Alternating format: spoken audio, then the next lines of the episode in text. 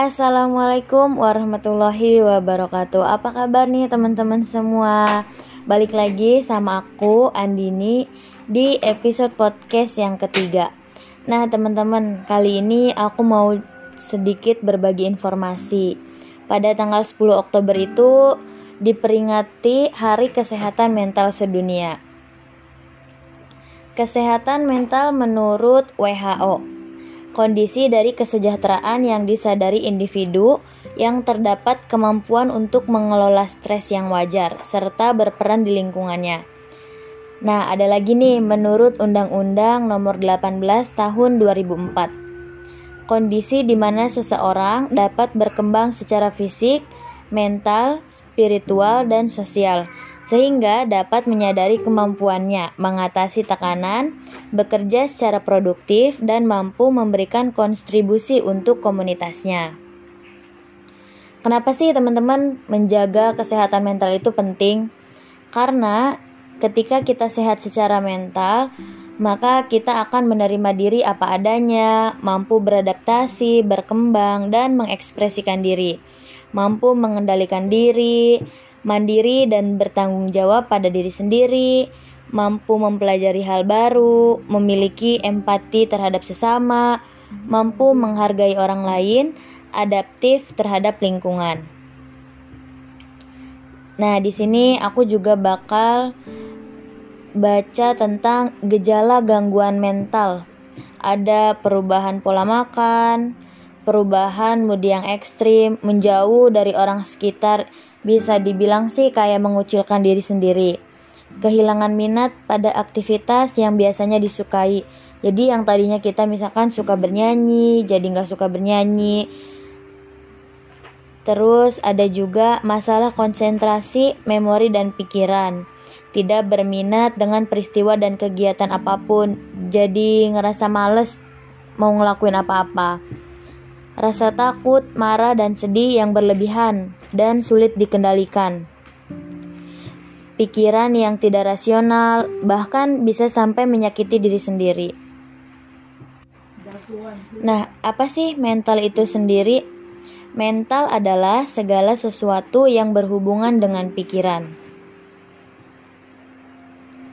Mental adalah sesuatu yang berhubungan dengan batin dan watak manusia yang bukan bersifat badan atau tenaga. Jadi, kalau disimpulkan, mental itu segala sesuatu yang berhubungan dengan pikiran, batin, dan watak manusia yang tidak berwujud fisik. Jadi, tentu saja nih mental itu merupakan salah satu bagian penting dalam hidup manusia yang perlu dijaga kesehatannya.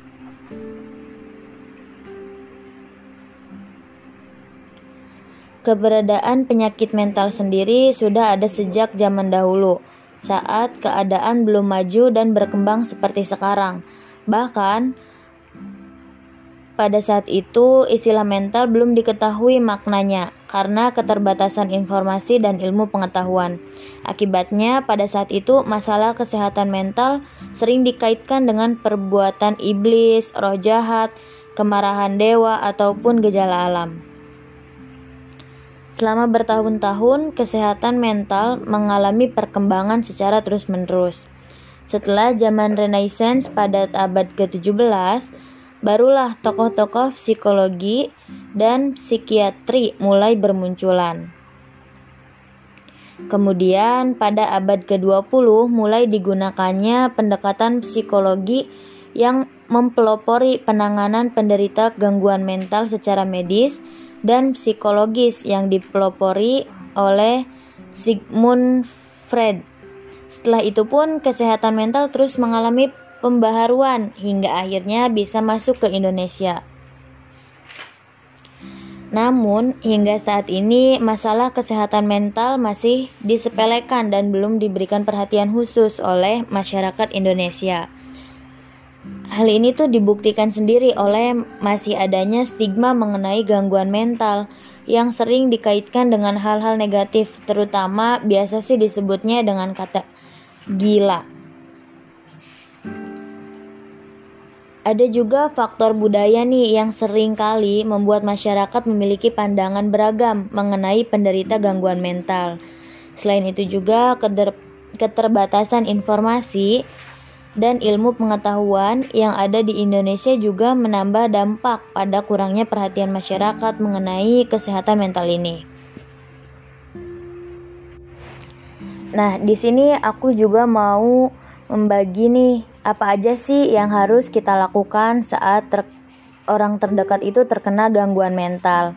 Yang pertama, memahami gejala gangguan mental.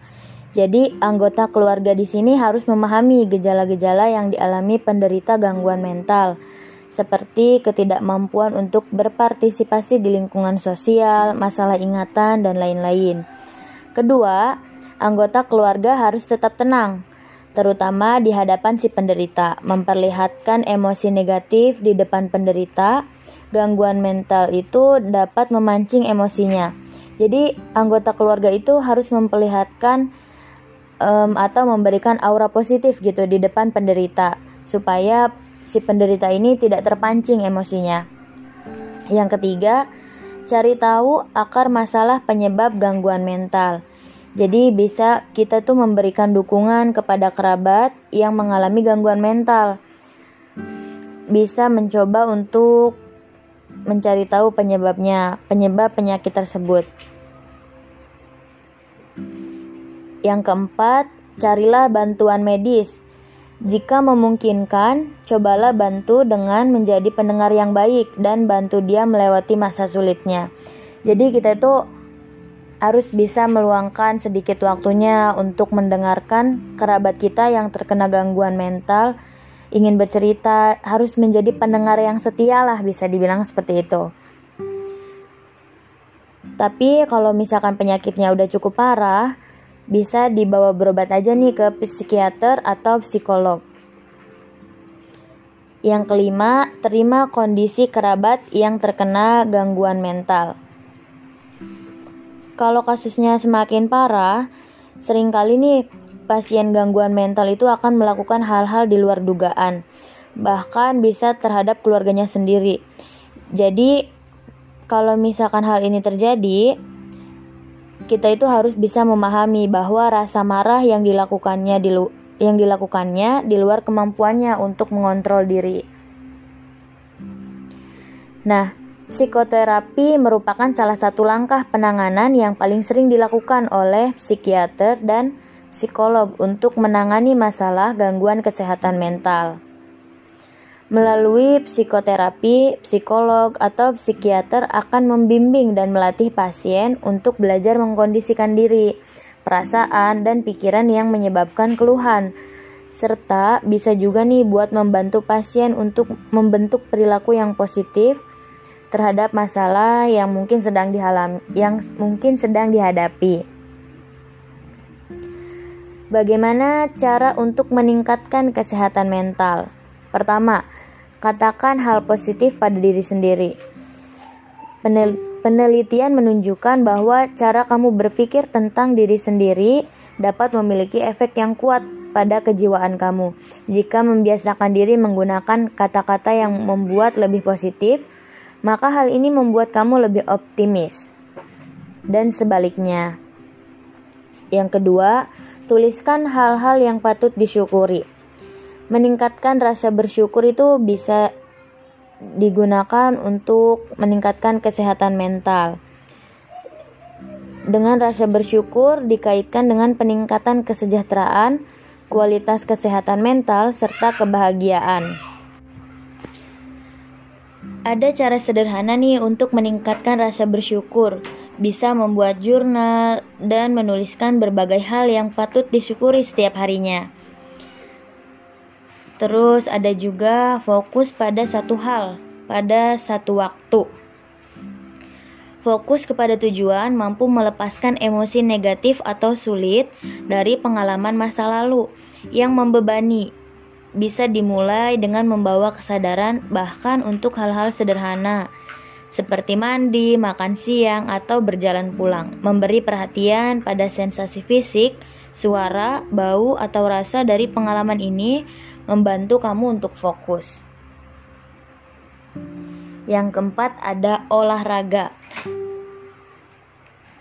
Tubuh akan melepaskan endorfin yang membantu menyingkirkan stres dan meningkatkan suasana hati kamu sebelum dan sesudah berolahraga.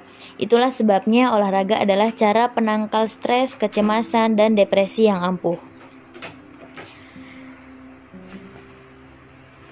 Yang kelima, makanlah makanan yang enak dan tentunya bergizi.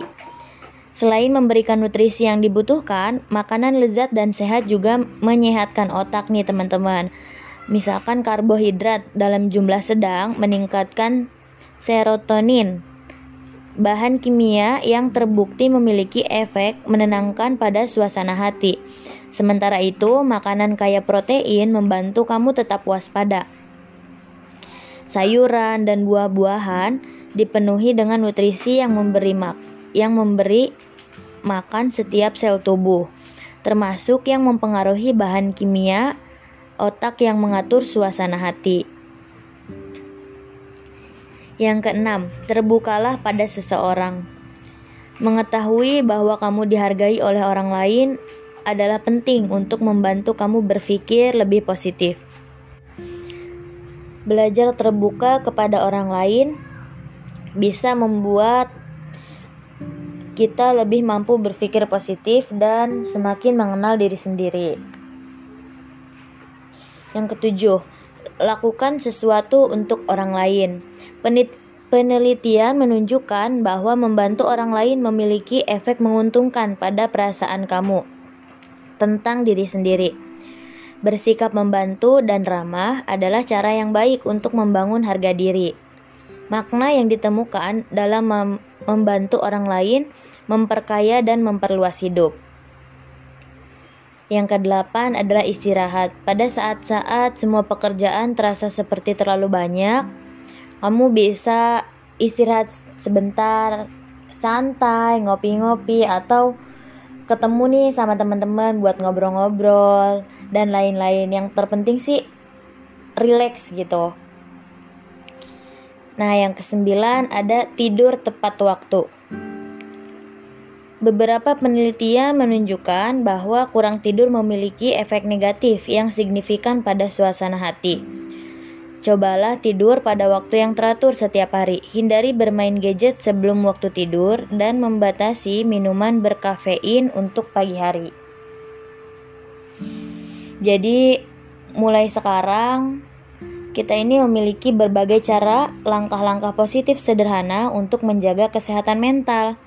Cara menjaga kesehatan mental seperti yang disebutkan tadi itu nggak nggak sulit ya buat kita lakukan uh, sehari-hari gitu.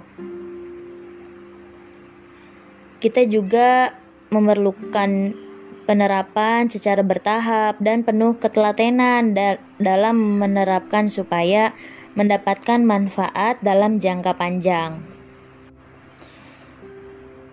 Ada sedikit tambahan nih, karakteristik mental yang sehat. Apa aja sih karakteristik mental yang sehat itu? Yang pertama, kita bisa menyesuaikan diri secara konstruktif pada kenyataan, meskipun kenyataan itu buruk bagi kita. Kedua, memperoleh kepuasan diri dari hasil jerih payah usaha. Ketiga, merasa lebih puas memberi daripada menerima. Keempat, secara relatif bebas dari rasa gelisah dan cemas. Kelima, berhubungan dengan individu lain dengan cara tolong-menolong dan saling memuaskan. Keenam, menerima kekecewaan untuk dipakainya sebagai pelajaran untuk di kemudian hari. Ketujuh, menjuruskan rasa permusuhan kepada penyelesaian yang kreatif dan konstruktif. Yang kedelapan, mempunyai rasa kasih sayang yang besar. Sedikit juga nih info-info kata kunci